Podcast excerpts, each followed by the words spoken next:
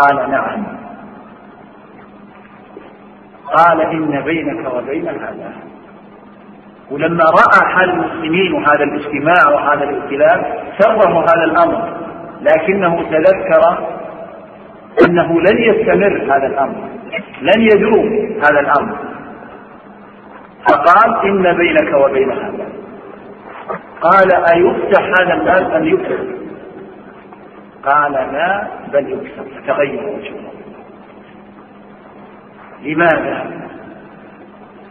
لأنه لو كان سيفتح لا يسر الله من يغلق هذا الباب. لكن كونه يكسر خلاص ينتهي. فعلم أن الباب هو وأن كسره قد.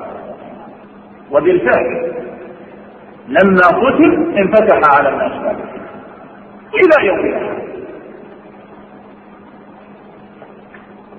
وضع السيف بين الأمة لما قتل. وحصلت الفتنة التي كانت أواخر زمن عثمان وانتهت في استشهاده رضي الله عنه. ثم لم يرفع السيف إلى يوم الآخر. عمر لما سمع عن هذا الرجل الذي هو طبيب يسأل عن متشابه القرآن ويثير بعض الشبه أمسك به وأنزله فيزيد بن هارون قال لهذا الرجل لما اعترض على حديث النبي صلى الله عليه وسلم قال ما أحوجك إلى أن يأخذ على يدك كما أخذ على يد طبيب نعم. وروى حماد بن زبير الكذب بن قال سمعت رجلا من بني عيد يقال له فلان خلته من نعم. يحدث عن أبيه قال رأيت صبي بن عز في البصرة كأنه بعير أزرق يسير إلى الفلك وكلما جلس إلى قوم لا يعرفونه. ناداهم أهل الحلقة الأخرى عزمة أمير المؤمنين. نعم لأنه أمر الناس أن يعتزلوه وأن يهجروه نعم. وروى حماد بن زيد أيضا عن يزيد بن أبي حازم عن سليمان بن يسار رجلا من تميم قال له صبيح صبيح. قبل المدينة فكانت عنده كتب فجعل يتبع متشابه القرآن فبلغ ذلك عمر فبعث إليه وقد أعد له أراضي النخل أراضي النخل فلما دخل عليه جلس فقال قال قال عبد الله صديق قال وأنا عبد الله وأنا عبد الله عمر. ثم أهوى إليه فجعل يضربه بتلك العراضي فما زال يضربه حتى شده فجعل الدم يسير على وجهه. فقال حسبك يا المسلمين فقد والله ما بما كنت ولي في وقته وقال اخبرنا ابو عبد الرحمن محمد بن حسين بن موسى بن موسى السلمي قال أخبرنا محمد بن محمد الفقيه المروزي قال حدثنا محمد بن عمير قال قال حدثنا ابو زكريا يحيى أيوب العلاق التجريد التجريدي في مصر قال حدثنا ابن بن عبد الاعلى قال حدثنا الشيخ بن عبد العزيز قال سمعت مالك بن انس يقول إياك البدع بعد الله من البدع. قال البدع الذين يتكلمون باسماء الله وصفاته وكلامه وعلمه وقدرته لا يشهدون عما كتب عن الصحابة والتابعون. اخبرنا أبو حسين أحمد بن محمد بن عمر الزاهد الخطاب قال الكتاب الخطاب قال اخبرنا أبو نعيم عبد الملك بن محمد بن علي الفقيه قال حدثنا الربيع بن سليمان سمعت قال سمعت الشافعي رحمه الله يقول لا تلقاه من كل ذنب ما قال الشرك احب إلي من من من ان القاه من الأهواء. نعم ولهذا قال أهل العلم أن البدعه احب إلى إبليس. من نعم. نعم وقال اخبرني ابو طاهر محمد بن الفضل جاء في الاثر أن الشيطان قد سلطت على بني آدم الشهوات وهم يعصون الله ويستغفرونه فيغفر لهم. فسلطت عليهم الشبهات وهم يعصون الله ويحسبون أنهم يحسنون صنعا. ومن هنا تأتي خطورة البدع وأثرها في الأمة. ولهذا قال الإمام الشافعي إنها أشد أنواع المعاصي. نعم. قال رحمه الله اخبرني أبو طالب محمد بن الفضل. قال حدثنا أبو عمرو بن الحيراء قال حدثنا أبو الأزهر. قال حدثنا الخليفة. قال حدثنا سيد سفيان عن جعفر بن سلطان قال كان رجل عمر بن عبد العزيز عن شيء من الأهواء. فقال انزل دين الصبي في الكتاب والأعراض. فقال من الصبي في الكتاب فقال الصبي في الكتاب عما وانهى عما سوى ذلك اخبرنا ابو عبد الله بن قال سمعت محمد بن يزيد قال سمعت ابا يحيى البزاز يقول سمعت العباس بن حمزة يقول سمعت احمد بن ابي الحواري يقول سمعت سفيان بن عيينه يقول كل ما وصف لنا كل ما وصف الله به نفسه في كتابه كتفسيره وتلاوته والسكوت عنه. نعم يعني اجراء على ظاهره. لا نتأول هذه التأويلات الباطلة ولا نحرفه تحريف المعطلة ولا نشبهه تشبيه أيضا مشبه نعم. قال قال رحمه الله اخبرنا ابو الحسن القطان قال حدثنا ابو عباس محمد بن الصراط قال حدثنا اسماعيل بن ابي حاتم قال حدثنا الهيثم خالد قال سمعت الوليد بن مسلم قال سالت الاولاديه وسفيان ومالك بن انس عن هذه الاحاديث عن الصفات وقوله فقالوا بها كما جاءت إلى فيه. أمروها كما جاءت إلى يعني أمروها على ظاهرها لا تتعرضوا لها بهذه التحريفات التي ظهرت عند المتأخرين وسموها تأويلا نعم. قال الإمام الزهري إمام الأئمة في عصره وعين علماء الأمة في وقته على الله البيان وعلى الرسول البلاغ وعليه المسلمين وعن بعض السلف قدم الإسلام لا يجوز إلا على منظر التسليم. تسليم نصوص الوحيين سواء في أسماء الله وصفاته أو في كل ما أخبر الله به عز وجل عن الأمور المغيبة لأنها مظنة التردد ومظنة عدم القبول ومظنة التحريف نعم. قال قال رحمه الله أخبرنا أبو طاهر بن زينب قال حدثنا زكي الإمام قال الإمام أحمد بن نصر قال حدثنا أبو يعقوب الحكيمي قال حدثنا كثير بن عبد الله بن بني عن أبي عن ذكره قال قال رسول الله صلى الله عليه وسلم إن هذا الدين بدأ غريبا وسيكون غريب غريبا كما بدأ حبوبا للغرباء قيل يا رسول الله ما الغرباء قال الذين يحبون سنتي من بعدي يعلمونها عباد الله. أصل الحديث الذي بدأ الإسلام غريبا وسيعود غريبا هذا ثابت صحيح مسلم. لكن الروايات الأخرى في السؤال عن الغرباء ومن الغرباء هذه التي وردت من طرق متعددة بعضها فيها ضعف وبعضها صحيح. نعم. قال رحمه الله اخبرنا ابو عبد الله حاتم قال سمعت ابا الحسن الكامل الكامل يقول سمعت علي بن عبد العزيز يقول سمعت أبا هريرة القاضي بن سلمان يقول المتبع السنة كالقاضي الذنب وهو اليوم عندي أفضل من ضرب في سبيل الله.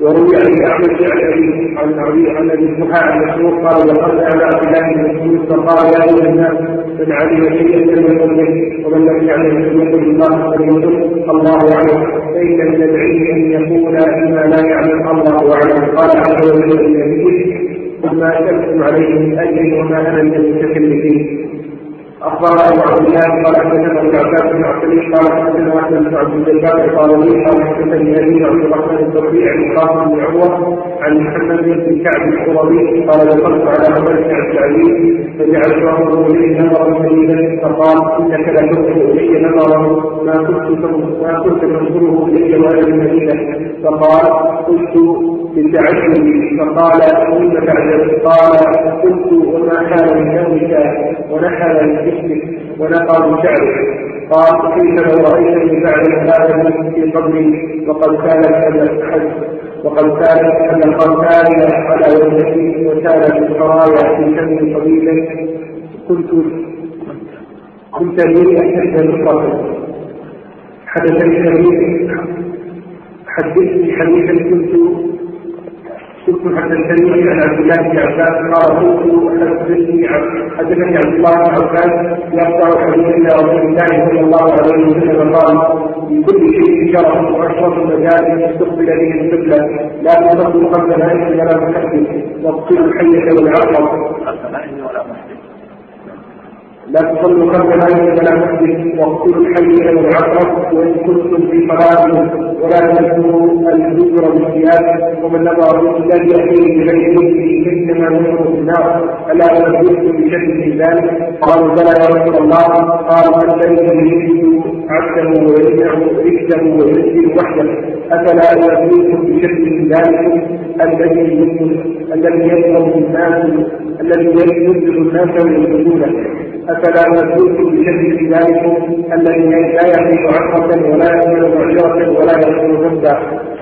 أفلا نسلكم بشد ذلكم الذي لا يساعده ولا يتصرف من أحب أن يكون أول الناس يتوكل على الله ومن أحب أن يكون الناس لم يكن بما فيه الله موتا منه بما فيه غيره ومن أحب أن يكون الناس من يتق الله إن عيسى عليه السلام قال في قومه فقال يا بني إسرائيل لا تكلموا بحجة إحدى البكاء لترجموها ولا تمنعوها عنها لترجموهم ولا تظلموا ولا تساعدوا ظالما بظلمه فيوم لا كل عند ربكم الأمور ثلاثة أمر بين حسه فاتبعوه وأمر بين غير فاتبعوه وأمر اختلفتم فيه فاتبعوه لله عز وجل.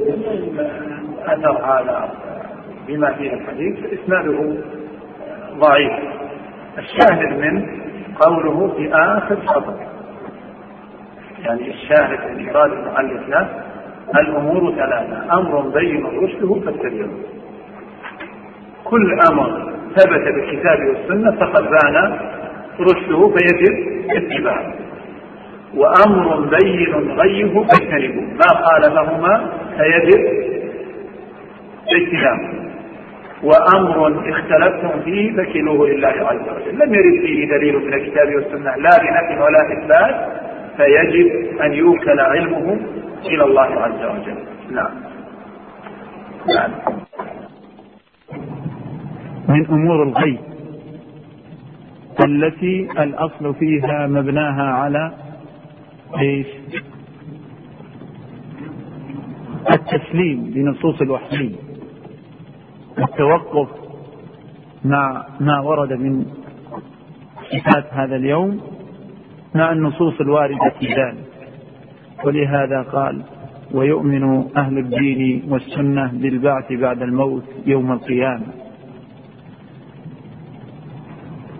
المؤلف رحمه الله أوجز الكلام هنا لأن الرسالة أصلها مختصر في عقيدة أهل السنة والجماعة. وإلا فإن أهل السنة والجماعة دائما إذا بدأوا الكلام عن الإيمان باليوم الآخر يبدأون بالكلام على مسألتين. المسألة الأولى الإيمان بأشراط الساعة الكبرى والصغرى. وإن لم تكن أشراط الساعة من اليوم الآخر لكنها إيش؟ مقدمات وإرهاصات لليوم الآخر للقيامة الكبرى. فالله عز وجل جعل علامات لهذا اليوم العظيم. وهذه العلامات منها علامات صغرى ومنها علامات كبرى. أما العلامات الصغرى فجاء ذكرها في أحاديث متعددة وألف فيها أهل العلم قديما وحديثا فكتب فيها على سبيل المثال الحافظ بن كثير كتابه النهاية. وألف في ذلك أو من أوسع من ألف في ذلك الشيخ محمود التويجي رحمه الله في كتابه إتحاف الجماعة في مجلدين. حاول أن يجمع كل ما ورد من أشراط الساعة حتى وإن كان ضعيفا. وجمع الشيخ يوسف الوابل ما صح من أشراط الساعة في رسالة مستقلة. شاهد من أشراط الساعة الصغرى ما ذكره النبي صلى الله عليه وآله وسلم في حديث جبريل. قال أخبرني عن الساعة. قال ما المسؤول بأعلم من السائل؟ قال فأخبرني عن أمراتها. قال أن تلد الأمة ربتها وأن ترى الكفاة العراة رعاها الشاة يتطاولون في البنيان.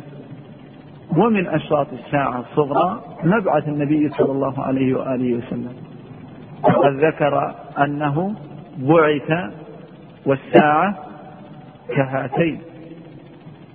ومن أشراط الساعة الصغرى إضاعة الأمانة وإسناد الأمر إلى غير أهله إلى غير ذلك من الأشراط الكثيرة التي من أراد الوقوف عليها فليرجع إلى دواوين السنة.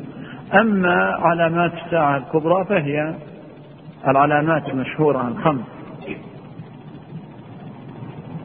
آه، خروج المهدي وخروج المسيح الدجال ونزول المسيح عيسى بن مريم وخروج الدابة ويأجوج ومأجوج وطلوع الشمس من مغربها. ست هذه العلامات والأمارات الكبرى والتي أخبر النبي صلى الله عليه وآله وسلم أنه إذا خرجت الأولى فقد تتابعت كعقد انقطع نظامه. أيضا من المسائل المتعلقة باليوم الآخر ويذكرها أهل السنة الإيمان بالموت وما بعده. وذلك أن من مات فقد قامت قيامته. فيؤمن أهل السنة والجماعة بحياة البرزخ وبسؤال الملكين وبعذاب القبر ونعيمه كما دل على ذلك الكتاب والسنة والإجماع.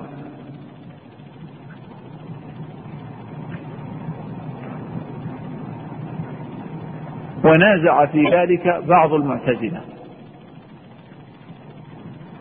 فأنكروا عذاب القبر ونعيمه بناء على الأصل الفاسد عندهم أن هذا غير معقول لا يدرك بالعقل. وقاسوا أمور الآخرة على أمور الدنيا. قالوا لا يمكن أن يتصور أن هذا القبر يتسع أو يضيق. قالوا ونحن نشاهد أن هذا المقبور نأتيه بعد مدة لم يتغير.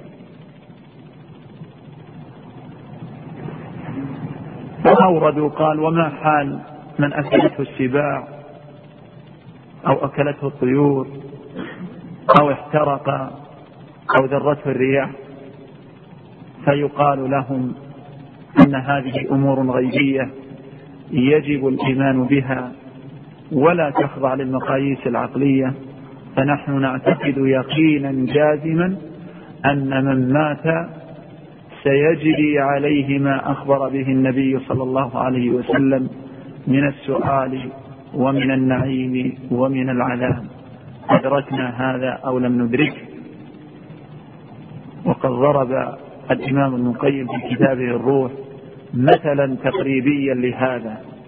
قال الله عز وجل قرب لنا حسا. عذاب القبر ونعيم قال كحال النائم. فهذا النائم أمامك الآن لم يتحرك.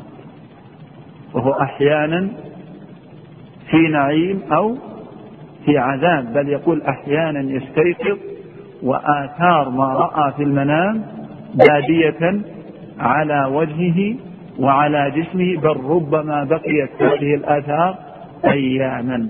وأمور الآخرة مباينة تماما لأمور الدنيا. أما أدلة عذاب القبر ونعيمه فمن القرآن قول الله عز وجل في حال بني إسرائيل النار يعرضون عليها عفوا في آل فرعون النار يعرضون عليها غدوا وعشيا ويوم تقوم الساعة أدخلوا آل فرعون أشد العذاب. قوله النار يعرضون عليها غدوا وعشيا هذه متى؟ في القبر في حياة البرزخ ومن الأدلة أيضا قوله سبحانه وهذا الدليل استدل به ابن عباس ولنذيقنهم من العذاب الأدنى دون العذاب الأكبر لعلهم يرجعون. لكن ألا يشكل على هذه الآية آخرها لعلهم يرجعون. ومعلوم أن من مات لا يمكن أن يرجع. هذا الجواب؟ واضح الإشكال ما هو واضح؟ الآن ابن عباس يستدل على إثبات عذاب القبر بهذه الآية. ولنذيقنهم من العذاب الأدنى دون العذاب الأكبر. لعلهم يرجعون. ومن مات يستحيل أن يعود. ولا يمكن أن يعود. أما الجواب عن ذلك؟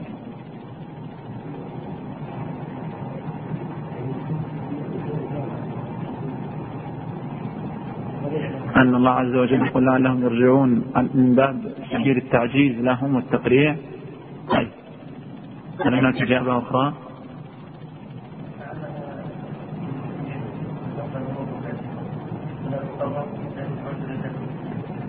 فيرجعون إلى الجنة. طيب ماشي.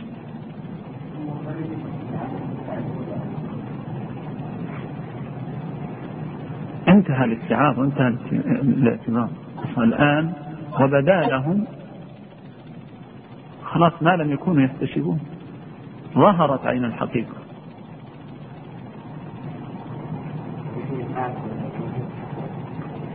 لا الآن المخاطب هؤلاء. ولنذيقنهم من العذاب الأدنى دون العذاب الأكبر لعلهم يرجعون. قد يقول قائل هذا ما هو استدلال في مكانه إيه لكن كيف يرجع من تكذيبه؟ أصلا إذا عاين الحقيقة نزل الموت رجع عن تكذيبه لكن لا ينفعه هذا الرجوع. لا ينفع نفسا إيمانها لم تكن آمنت من قبل. الإيمان بالغيب هنا. كشف الغطاء وانكشفت الحقيقة. وعاين الكافر الحقيقة. ولهذا هو يرجع في هذه اللحظة لكن ما ينفعه هذا الرجوع يقول ابن القيم ما كان هذا ليخفى على حبر القرآن؟ حبر الأمة وترجمان القرآن.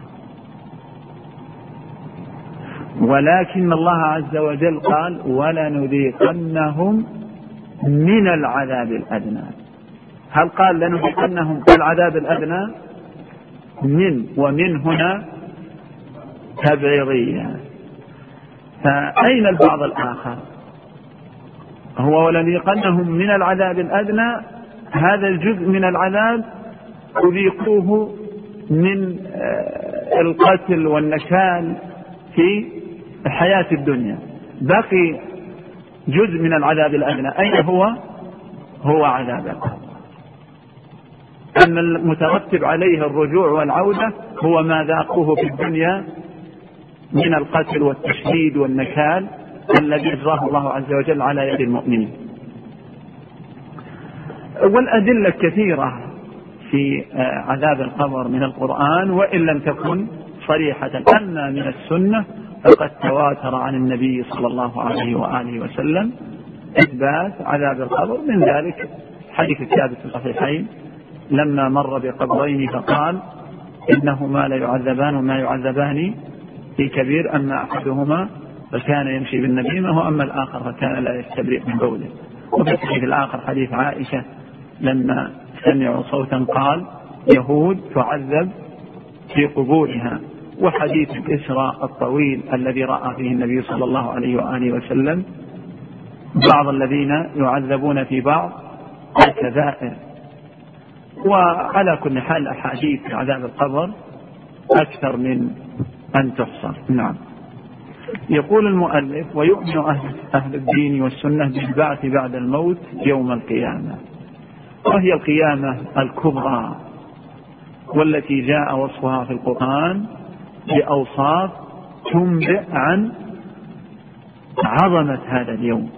ولهذا سمى الله عز وجل هذه القيامة سماها بأوصاف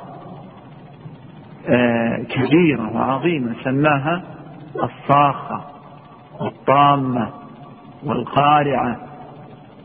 إيش؟ والواقعة والحاقة. وأسماء كثيرة تنبأ وتفصح عن عظم هذا اليوم. وبكل ما أخبر الله سبحانه من أهوال ذلك اليوم الحق. وقد ورد أيضا في صفات هذا اليوم وما يجري في هذا اليوم أوصاف كثيرة لا حصر لها من الحشر والنشر وأن الناس يحشرون حفاة عراة غرلا بهما حفاة غير منتعدين عراة غير مفتسين غرلا غير مختونين بهما ليس معهم شيء من أمر الدنيا. يحشرون إلى إلى الله عز وجل إلى أرض المحشر كما خرجوا إلى هذه الدنيا أول مرة. آه، من أهوال ذلك اليوم واختلاف أحوال العباد فيه والخلق فيما يرونه ويلقونه هنالك في ذلك اليوم الهائل. والله عز وجل أخبر أن الناس يقفون في هذا اليوم في يوم كان مقداره خمسين ألف سنة وأن الشمس تدنو من العباد على قدر ميل حتى يلجمهم العرق على قدر أعمالهم. يقول من أخذ الكتب بالأيمان والشمائل وهذا أيضا جاء في القرآن أن منهم من يأخذ كتابه بيمينه ومنهم من يأخذه بشماله من وراء ظهره والإجابة عن المسائل. وذلك أنهم سيقفون بين يدي الله عز وجل ويساءلون. أما الكفار فهم لا يحاسبون محاسبة من توزن حسناته وسيئاته. وإنما الحساب الذي يجري عليهم عبارة عن إيش؟ عرض الأعمال عليهم وإقرارهم بها فقط. لأنهم يقدمون على الله عز وجل ما معهم شيء من الحسنات. ولهذا فقط تعرض عليهم أعمالهم ويقرون بها ثم يساقون إلى النار. بخلاف أهل الإسلام وأهل الإيمان. فإنهم يحاسبون محاسبة موازنة الحسنات بالسيئات. ولهذا يعرضون على الميزان ويعرضون على الصراط آه، إلى سائر الزلازل والبلادل الموعودة في ذلك اليوم العظيم والمقام الهائل من الصراط والميزان ونشر الصحف التي فيها مثاقيل الذر من الخير والشر. الصراط جاء ذكره في السنة صريحا وجاء ذكره في القرآن تعريضا أما وروده في القرآن فقول الله عز وجل وإن منكم إلا واردها كان على ربك حتما مقضيا. جاء في بعض الأحاديث أن هذا الورود هو الورود على الصراط. أما ثبوت الصراط في السنة فجاء فيه شيء من التفصيل أنه آه، جسر على متن جهنم وأنه أحد من السيف وأدق من الشعر يجاوزه الناس على قدر أعمالهم. ذكر النبي صلى الله عليه وآله وسلم أن الناس يمرون عليه كالريح وكالبرق وكأجاويد الخيل وكأجاويد الرجال ومنهم من يمشي ومنهم من يزحف ومنهم من؟ آه، تمسه النار من هنا وهنا إلى أن ينجيه الله عز وجل منها. وذكر أن الأنبياء على جنبات الصراط وكل يدعو اللهم سلم سلم وفي الصحيح سألت عائشة رضي الله عنها النبي صلى الله عليه وسلم آه، أيعرف أحد أحدا في عرصات القيامة؟ يعني هل يعرف الأب أبناءه وتعرف الأم أبناءها ويعرف الابن أباه وأمه ويعرف الصاحب صاحبه؟ قال أما في ثلاثة مواضع فلا. إذا وضع الميزان فلا يدري أيخف ميزانه أم يثقل وإذا تطايرت الصحف فلا يدري أيأخذ كتابه باليمين أم بالشمال وإذا وضع الصراط على متن جهنم فلا يدري أيجاوزه أم لا. هذه ثلاثة مواضع لا يعرف أحد أحدا لأن كل إنسان اشتغل بنفسه. آه، أنكر بعض المعتزلة أيضا الصراط وقالوا المقصود بالصراط الطريق أما بالصفات التي جاءت في السنة فهذا لا يمكن للعقل أن يتصور أن الإنسان يمشي عليها. وقلنا لهم أن أمور الآخرة تختلف عن أمور الدنيا فالذي أقدرهم على أن يمشوا على أيدي على أرجلهم في الدنيا قادر على أن يمشيهم على الصراط بهذه الصفة كما أنه قادر على أن يجعل الكفار يمشون على وجوههم إلى نار جهنم. والميزان الميزان جاء ذكره في القرآن كثيرا. أما من ثقلت موازينه فهو في عيشة راضية. ونضع الموازين القسط ليوم القيامة. واختلف أهل السنة هل هل هي موازين أم ميزان واحد؟ والصحيح أنه ميزان واحد. وإنما جمع في بعض النصوص بحسب الموزون فيها. وثبت أيضا في صحيح السنة أنه ميزان حسي له كفتان كما في حديث البطاقة. آه وهل الموزون هو العامل أم العمل؟ أم الصحف. هل الذي يوزن الإنسان نفسه أم أعماله يقلبها الله عز وجل؟ يقلب هذه الأعراض ثم يزنها. أم الصحف التي كتبت فيها الأعمال. الصحيح نعم. الجميع أن العامل يوزن الدليل على ذلك حديث ابن مسعود.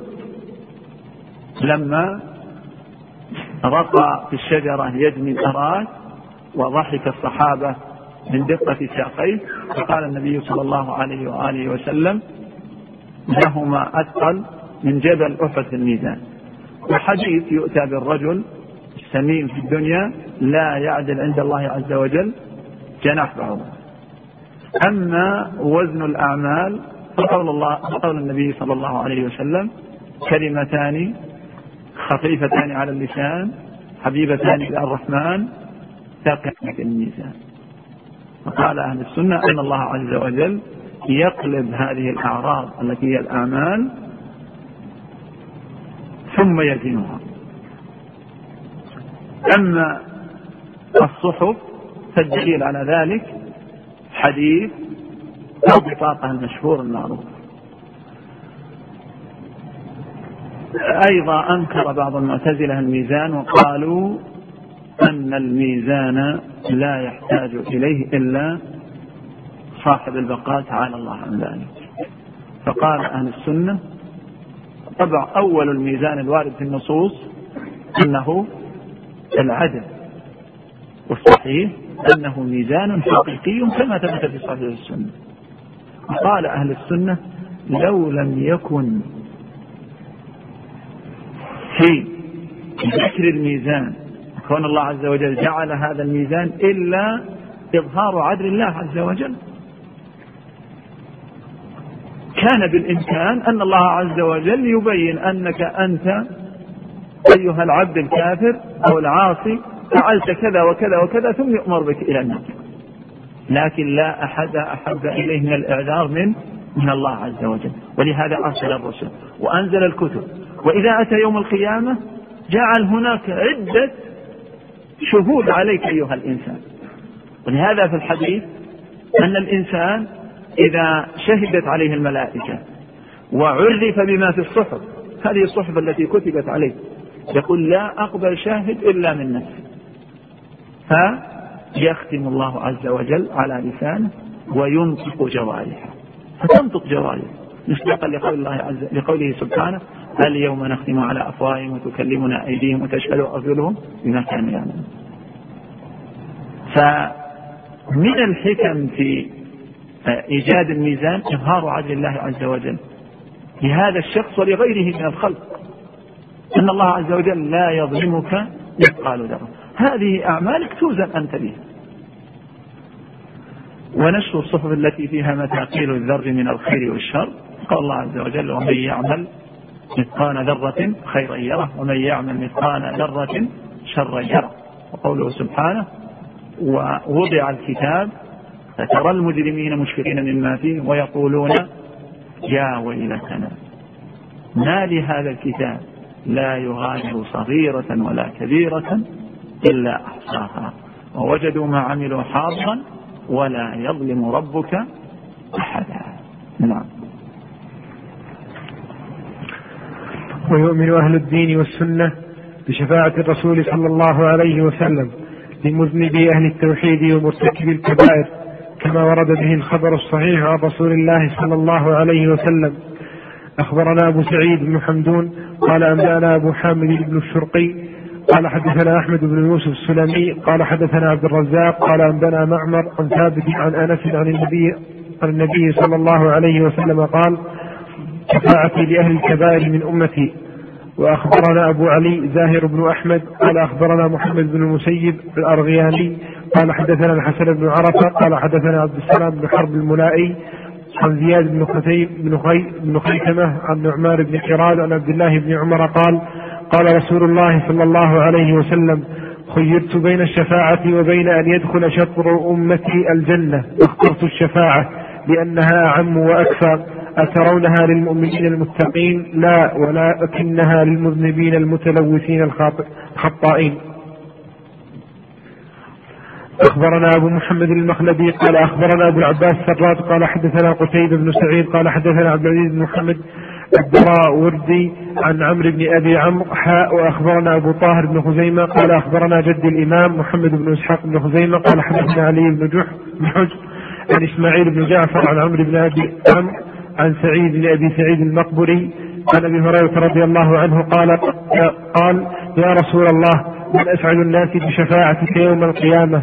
فقال لقد ظننت أن لا يسألني عن هذا الحديث أحد أول منك. لما رأيت من حرصك على الحديث إن أسعد الناس بشفاعتي يوم القيامة من قال لا إله إلا الله خالصا من قبل من قبل نفسه. نعم.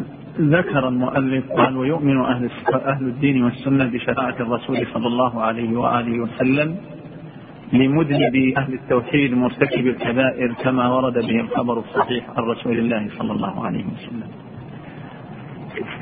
الشفاعة يوم القيامة أقسام منها ما هو خاص بالنبي صلى الله عليه وآله وسلم ومنها ما يشركه فيها غيره.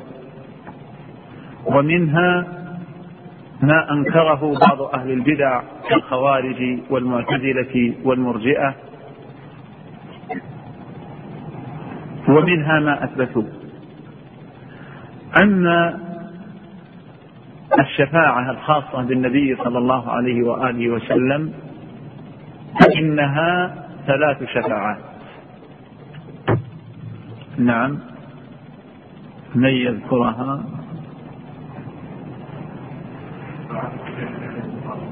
الأولى شفاعته في عمه أبي طالب الذي مات على الشرك.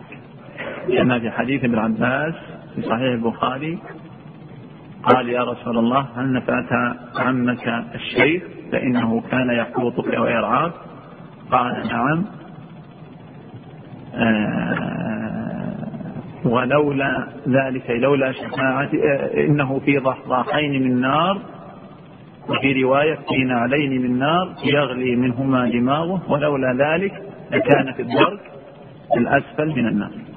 هذا شفاعة خاصة به عليه الصلاة والسلام أن يدفعه في رجل مشرك أن خفف عنه العذاب.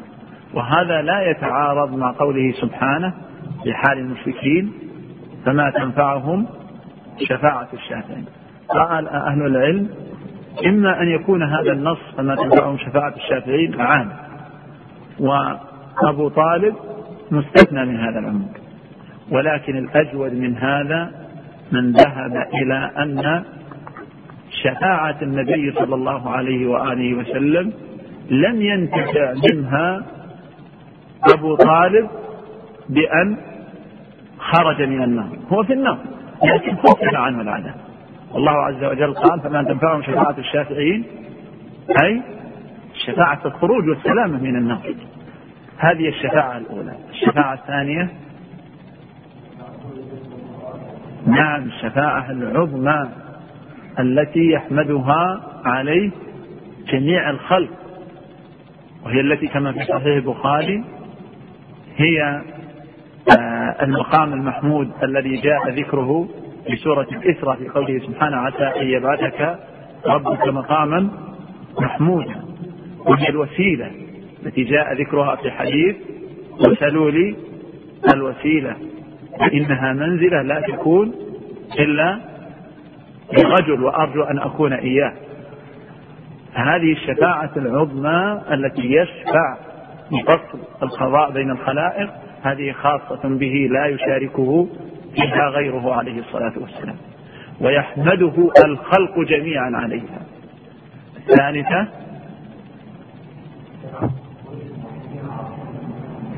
لا هذه ليست خاصة سيأتينا. نعم لا أنا أريد الخاصة بالنبي صلى الله عليه وسلم.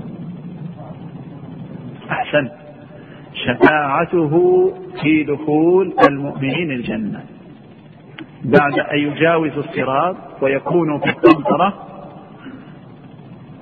لا يدخلون الجنة إلا بعد أن يستفتح لهم ويشفع لهم النبي صلى الله عليه وآله وسلم كما ثبت هذا في الصحيح.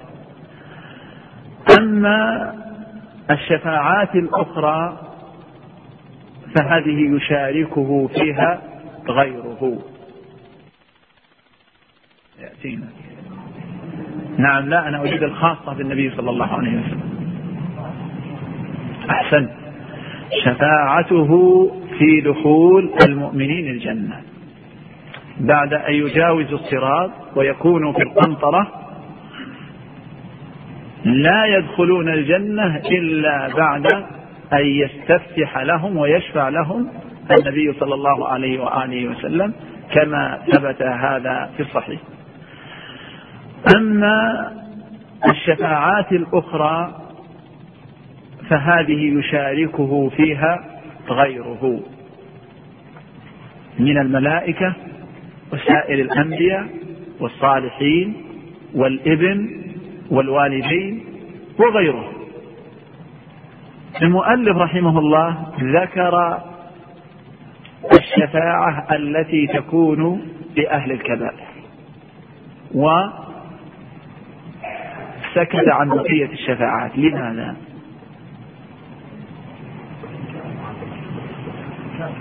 نعم لأن الخلاف مع أهل البدع في هذا النوع من الشفاعة. وهو الشفاعة في أهل الكبائر. فالمرجئة والوعيدية من الخوارج والمعتزلة الجميع ينكر هذه الشفاعة. لأن الوعيدية يقولون من دخل النار لا يخرج منها لا بشفاعة الشافعين ولا برحمة أرحم الراحمين. من دخل فيها لا يخرج منها. والمرجئة يقولون أن المؤمن المسلم أصلا لا يمكن أن يدخل النار حتى يحتاج إلى شفاعة. فمن دخل النار فهو كافر فهو خالد مخلد فيها. أما المسلم مهما كان معه من الذنوب والكبائر فإنه لا يدخل النار. أهل السنة والجماعة نعم ذهبوا إلى أن من أهل الكبائر من سيدخل النار. ومن أهل الكبائر ممن دخل النار من ستناله الشفاعة كما ذكر النبي صلى الله عليه وسلم بل الشفاعة مما تواتر عن النبي صلى الله عليه وآله وسلم الشفاعة في أهل الكبائر. نعم. الحديث الأول أورده المؤلف شفاعة لأهل الكبائر. نمثل هذا الحديث أخرجه الترمذي والإمام أحمد والحاكم وصححه. آه، أيضا الحديث الثاني رواه ابن ماجه خيرت بين الشفاعة وبين أن يدخل شطر أمة الجنة فاخترت الشفاعة لأنها أعم وأكثر. وهذا من رحمة الله عز وجل. ومن ولله الحمد المبشرات لأمة محمد صلى الله عليه وسلم خاصة أهل الإيمان. أن الله عز وجل خير النبي صلى الله عليه وسلم. أما ترضى أن يكون نصف أهل الجنة من أمتك أو تريد الشفاعة؟ قال لا أريد الشفاعة. فدل على أن الشفاعة حظها أكثر من النصف. وهذا أيضا أخرجه ابن ماجه والإمام أحمد وصححه الهيثمي كما في المجمع أما الحديث الثالث لقد ظننت أن لا يسألني عن هذا الحديث أحد حول منك يعني أبا هريرة فلما سأل من أسعد الناس بشفاعة يوم القيامة؟ فقال من قال لا إله إلا الله لكن بشرط خالصا من قلبه. حديث البخاري. نعم. ويؤمنون بالحوض والكوثر وإدخال فريق من الموحدين الجنة بغير حساب ومحاسبة فريق منهم حسابا يسيرا وإدخال وإدخالهم الجنة بغير سوء يمس يمسهم وعذاب يلحقهم وإدخال فريق من مذنبيهم النار ثم إعتاقهم أو إخراجهم منها وإلحاقهم بإخوانهم الذين سبقوهم إليها ويعلمون حقا يقينا أن مذنب الموحدين لا يخلدون في النار. ولا يتركون فيها أبدا. فأما الكفار فإنهم يخلدون فيها ولا يخرجون منها أبدا ولا يترك الله فيها من عصاة أهل الإيمان أحدا. نعم يقول ويؤمنون أي أهل السنة والجماعة بالحوض والكوثر. وهذا مما تواتر عن النبي صلى الله عليه وآله وسلم. وجاء في إثبات الحوض كما أوردها ابن أبي عاصم في السنة وغيره. صفات متعددة. منها أن طوله شهر وعرضها وعرضه شهر وأنه يصب فيه ميزابان من نهر الكوثر في الجنة لأن الحوض في عرصات قيامه وأن ماءه أحلى من العسل وأبرد من الثلج وأبيض من اللبن. من شربه لم يظمأ بعده أبدا وأن كيزانه أو كيزانه كعدد نجوم السماء. وثبت أيضا أن لكل نبي حوضا ولكن حوض نبينا عليه الصلاة والسلام هو أكبرها وأوسعها وأكثرها واردا فلله الحمد والمنة. أنكر الحوض الخوارج من أهل البدع ولكن النصوص الصحيحة الصريحة المتواترة. فيه ترد على هؤلاء. يقول ويؤمن أيضا أهل السنة بإدخال فريق من الموحدين الجنة بغير حساب كما جاء في حديث إيش؟ الكاشة ابن محصن حديث السبعين ألف. ومعهم سبعون ألف يدخلون الجنة بغير حساب ولا عذاب. ومحاسبة فريق منهم حسابا يسيرا وهذا ثابت في كتاب الله عز وجل. فأما من أوتي كتابه بيمينه فسوف يحاسب حسابا يسيرا. آه، وإدخالهم الجنة بغير سوء يمسهم وعذاب يلحقهم. وإدخال فريق من مذنبيهم النار ممن استحق النار من أهل الكبائر ولم تنله رحمة الله عز وجل ابتداء ولا شفاعة الشافعين ابتداء فإنه يدخل النار على قدر ذنوبه ثم يطهر ثم يدخل الجنة. فمآله في الجنة فهذه عقيدة أهل السنة والجماعة خلافا الوعيدية من الخوارج والمعتزلة الذين زعموا أن أصحاب الكبائر خالدون مخلدون في النار واستدلوا على ذلك بما تشابه عليهم من نصوص إيش؟ الوعيد. وتركوا واهملوا نصوص الوعد كما أن المرجئة أخذوا بنصوص الوعد وتركوا نصوص الوعيد. آه، يقول ثم يعتقم إخراجهم منها أي من النار وإلحاقهم بإخوانهم الذين سبقوهم إلى الجنة ولا يخلدون في النار. فلا يخلد في النار إلا الكفار. أما المؤمنون فمهما كانت معهم من الذنوب ما لم يرتكبوا مكفر يخرجهم عن الملة فإنهم يخرجون من النار. مآلهم إلى الجنة كما ثبت في صحيح السنة. يقول فأما الكفار فإنهم يخلدون فيها ولا يخرجون منها أبدا ولا يترك الله فيها من وصاة أهل الإيمان أحد. وسيأتي آه، الكلام على هذه المسألة بعد أسطر نعم. ويشهد أهل السنة أن المؤمنين يرون ربهم تبارك وتعالى يوم القيامة بأبصارهم وينظرون إليه على ما ورد به الخبر الصحيح عن رسول الله صلى الله عليه وسلم في قوله إنكم ترون ربكم كما ترون القمر ليلة البدر. والتشبيه في هذا الخبر وقع للرؤية بالرؤية لا للمرئي. والأخبار الواردة في الرؤية مخرجة في كتاب الانتساب بطرق بطرقها. نعم من عقيدة أهل السنة والجماعة إثبات رؤية الله عز وجل يوم القيامة. وأنها أعظم نعيم يعطاه أهل الجنة. والمؤمنون. وقد دل على إثبات الرؤية الكتاب والسنة والإجماع والعقل. أما دلالة الكتاب عليها فآيات كثيرة منها قول الله عز وجل في سورة يونس للذين أحسنوا الحسنى وزيادة. فسر النبي صلى الله عليه وآله وسلم كما في صحيح مسلم هذه الزيادة. النظر إلى وجه الله الكريم. لأن الله قال للذين أحسنوا الحسنى ما هي الحسنى؟ الجنة. وزيادة. ليس هناك ثمة زيادة على نعيم الجنة إلا شيء واحد رؤية الله عز وجل. فإنه أعظم نعيم يعطاه المؤمنون يوم القيامة. أيضا من الأدلة قوله سبحانه وجوه يومئذ ناظرة إلى ربها ناظرة. ناظرة بأبصارها أيضا من الأدلة الآيات التي فيها إثبات اللقاء. فمن كان يرجو لقاء ربه فليعمل عملا صالحا. يقول ابن القيم رحمه الله واللقاء عند العرب إذا تجرد من القرائن الأخرى فالأصل فيه فيه الرؤية المعاينة البصرية. أيضا من الأدلة التي استدل به الإمام الشافعي وغيره قوله سبحانه كلا إنهم عن ربهم يومئذ لمحجوبون. هذا في حال أو هذا مع من؟ مع الكفار.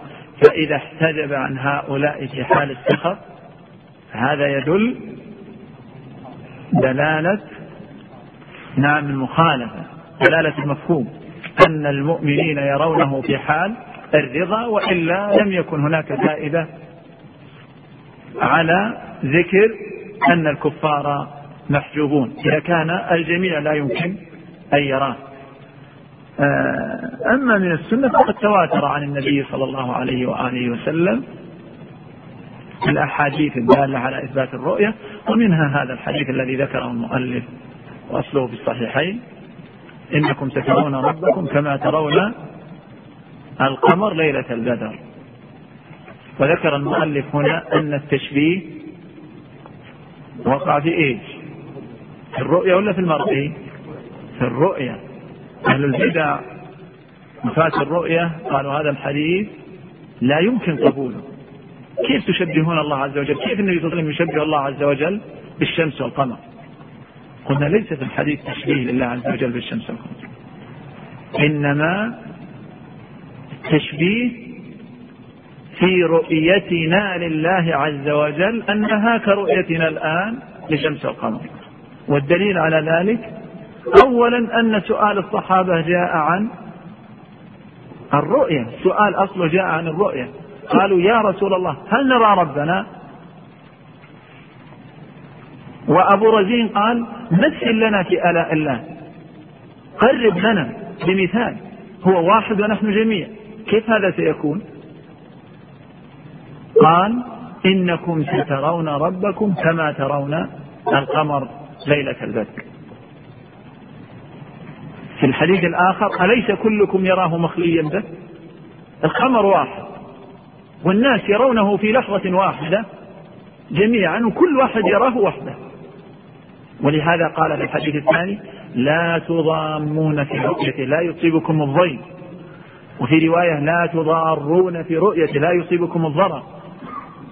كما هي الحال في الدنيا إذا كان الشيء واحد والذي سيراه أمة من الناس فسيحظى الضرر بسبب الازدحام. أما رؤية الله عز وجل فلا ولله الحمد والمنة. إذا السؤال جاء عن الرؤية وجاء الجواب عن الرؤية ليس عن المرء. الأمر الثاني أن كاف التشبيه دخلت على المرئية وعلى الرؤية. كما ترون على الرؤية ليس على المرء. كما ترون الشمس والقمر. افترق الناس في رؤية الله عز وجل يوم القيامة إلى ثلاث فرق على وجه الإجمال وأربع على وجه التفصيل. فذهب الجهمية والمعتزلة والرافضة والخوارج ومن تبعهم إلى إنكار رؤية الله عز وجل البتة. وقالوا لا يمكن رؤيته. ولهم في هذا بعض الشبه العقلية والشبه النقلية. لولا ضيق الوقت ذكرنا شيئا منها.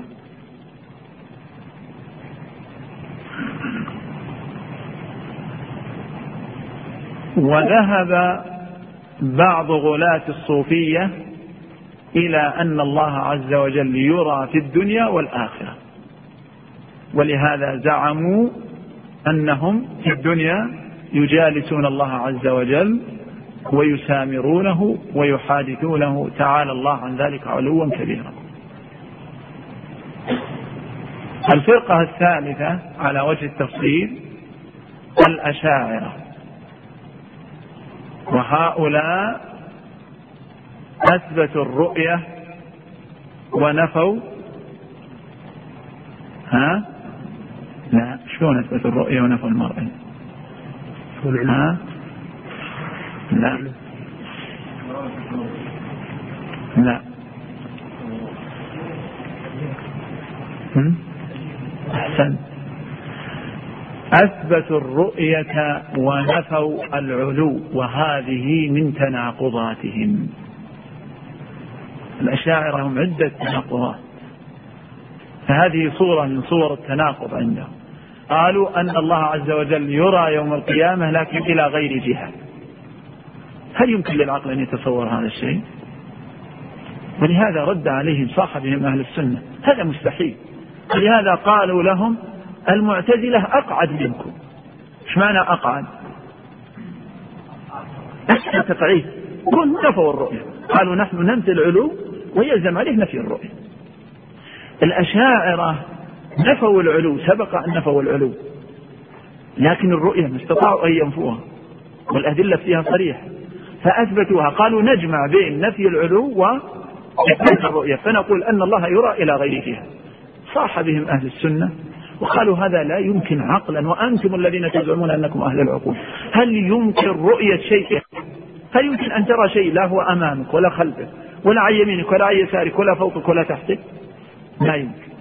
ولكن ليس هذا أول تناقضاتهم وليس هذا أول المسائل التي يأتون بها تحيلها العقول. في مسألة إثبات العلو زعموا أن الله لما قال لهم أهل السنة أن الله عز وجل لما خلق الخلق خلق هذا العالم إما أن يكون وهذا الدليل العقلي على إثبات العلو إما أن يكون خلق هذا العالم العالم داخل نفسه أو خارج نفسه. هل هناك قسمة ثالثة؟ كل ما سوى الله فهو عالم. لما خلقه الله عز وجل. لا يخلو الأمر إما أن يكون خلقه خارج نفسه أو داخل نفسه. وأيهما اللائق به سبحانه؟ خارج نفسه لأن الله لا يكون محل للمخلوقات فإذا كان خلقهم خارج نفسه فلا بد أن يكون عالم على هذا العالم. لا يمكن أن يكون العالم عالم عليه لأن هذا هو اللائق به سبحانه. ماذا قالوا؟ هم حاروا تجاه هذا الدليل العقلي. قالوا الله عز وجل لا هو داخل العالم ولا خارجه. أين يكون. عقلا أين يكون. ما عندنا مكان ثالث. إما داخل العالم أو خارجه. ومثاله أيضا كلامهم في الرؤيا فمذهبهم أن الله يرى إلى غير جهة. المذهب الرابع مذهب أهل السنة. وهو أن الله عز وجل يرى يوم القيامة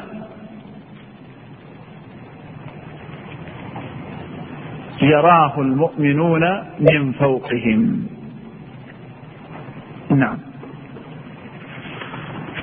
ويشهد أهل السنة ويعتقدون أن الجنة والنار مخلوقتان وأنهما باقيتان لا تفنيان أبدا وأن أهل الجنة لا يخرجون منها أبدا وكذلك أهل النار الذين هم أهلها خلقوا لها لا يخرجون أبدا. ويؤمر بالموت فيذبح على سور بين الجنة والنار وأن المنادي ينادي يومئذ يا أهل الجنة خلود ولا موت ويا أهل النار خلود ولا موت. على ما ورد به الخبر الصحيح عن رسول الله صلى الله عليه وسلم. صلى الله عليه وسلم يقول ويشهد أهل السنة أن الجنة والنار مخلوقتان يعني مخلوقتان الآن موجودتان. والدليل على ذلك قوله سبحانه أعدت للمتقين. وحديث الإسراء ودخول النبي صلى الله عليه وسلم الجنة وحديث الخسوف والطلاعة إلى النار والطلاعة إلى الجنة. وقال لما تقدم وتأخر أردت كشفت له الجنة فأراد أن يأخذ منها عنقود قط من العنب. قال ولو أخذته لأكلت منه لأكلتم منه إلى يوم القيامة. هذا مما يدل على عظم هذا النعيم الذي ينتظر أهل الإيمان في الجنة. عنقود واحد. لبقي يأكل منه الناس إلى يوم القيامة.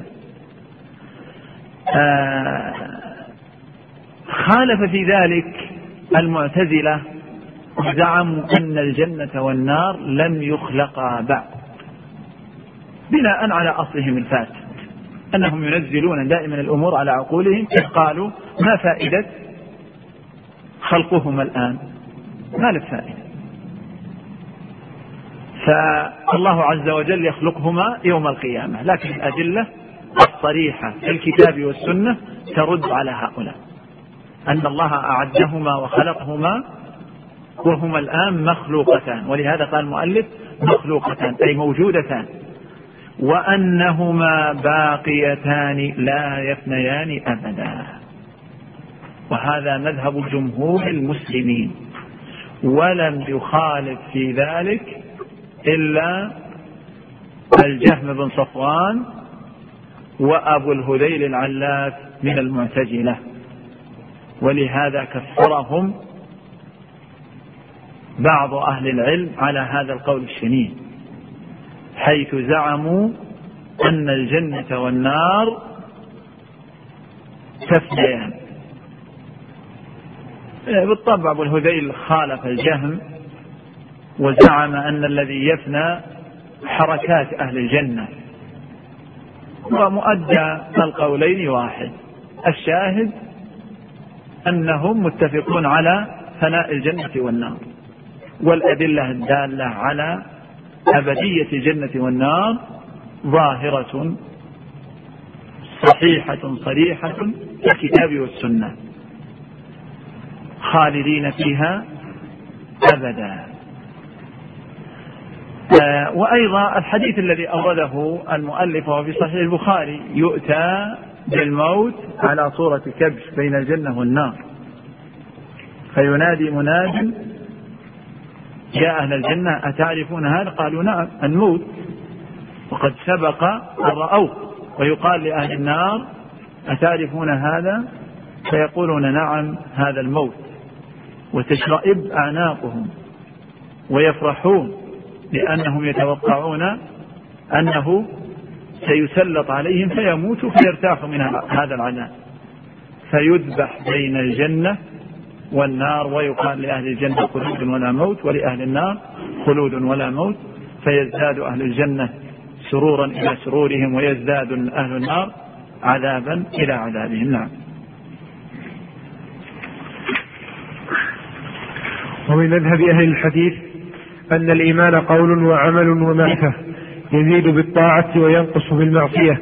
قال محمد بن علي بن الحسن بن شقيق سألت أبا عبد الله أحمد بن حنبل رحمه الله عن الإيمان في معنى الزيادة والنقصان.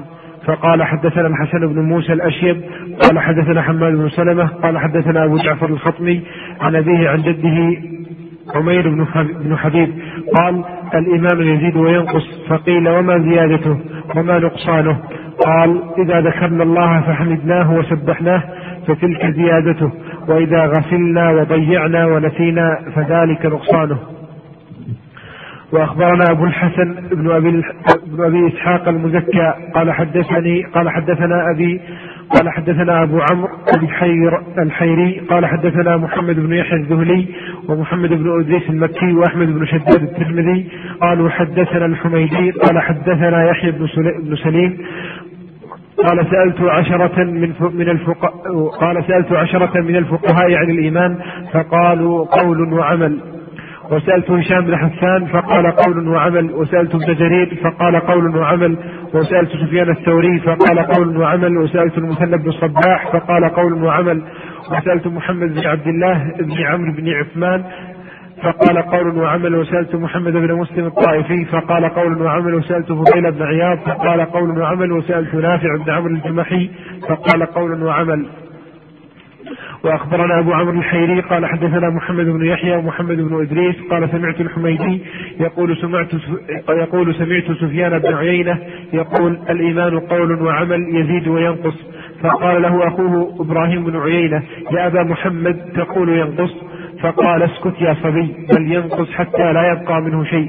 وقال الوليد بن مسلم سمعت الأوزاعي ومالكا وسعيد بن عبد العزيز ينكرون على من يقول إقرار بلا عمل ويقولون لا إيمان إلا بعمل.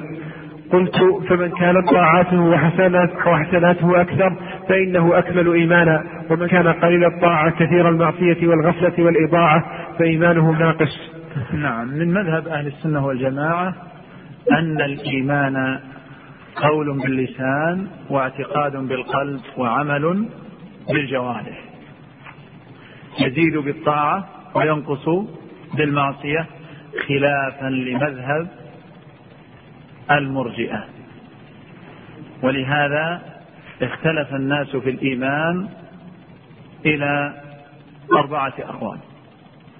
القول الأول من ذهب إلى أن الإيمان هو معرفة القلب فقط وهذا مذهب الجهم بن صفوان.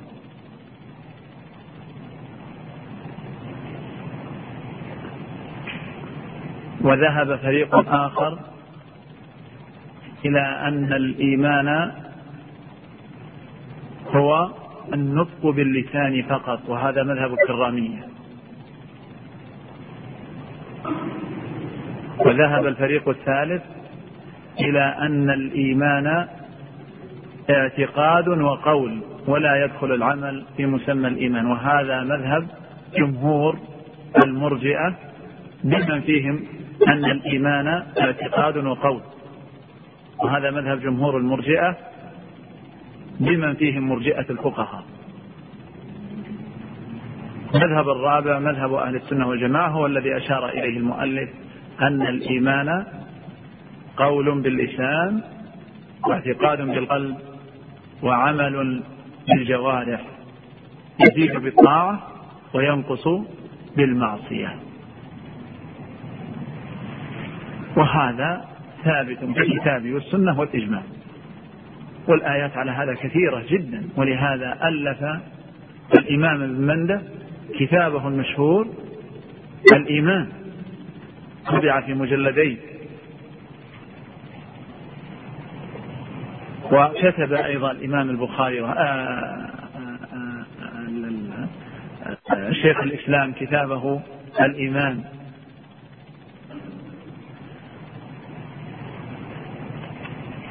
من الأدلة من القرآن على أن الإيمان يزيد بالطاعة الله عز وجل إنما المؤمنون الذين إذا ذكر الله وجلت قلوبهم وإذا تليت عليهم آياته إيش؟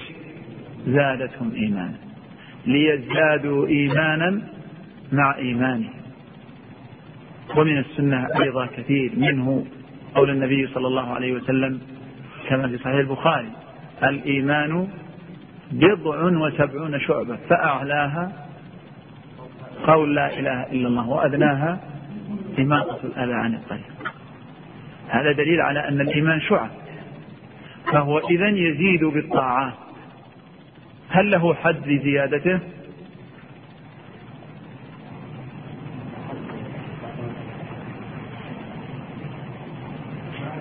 لماذا؟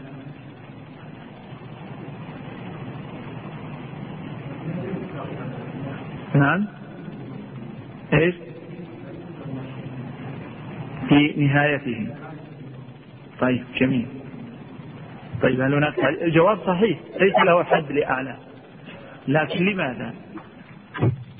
تعليل أنا أسأل عن التعليل.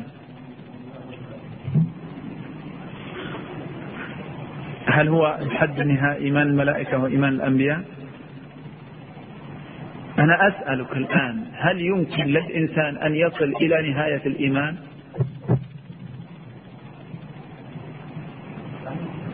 لماذا؟ نعم لأن الإيمان مرتبط زيادته بماذا؟ الطاعات والأعمال الصالحة. هل للطاعات حد؟ أبدا. واعبد ربك حتى يأتيك اليقين. مهما عملت من الطاعات ما يقال لك لا خلاص الآن بلغت الحد النهائي. ولهذا قال السلف وليس له حد لنهايته. الإيمان ليس له حد. ينتهي عنده يقال خلاص بلغت الغاية. فأنت كلما ازددت عملا صالحا كلما ازددت إيمانا. طيب هل له حد لنهايته؟ ها حتى النهاية ما له حد؟ نعم. أحسنت له حد له نهاية. ولهذا قال النبي صلى الله عليه وسلم كما في المسلم في حديث إنكار المنكر وليس وراء ذلك من الإيمان حبة خردل.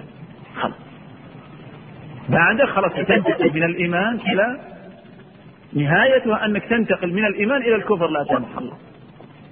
فإذا خرج الإنسان إلى الكفر أو إلى الشرك زال الإيمان كلية وانتهى.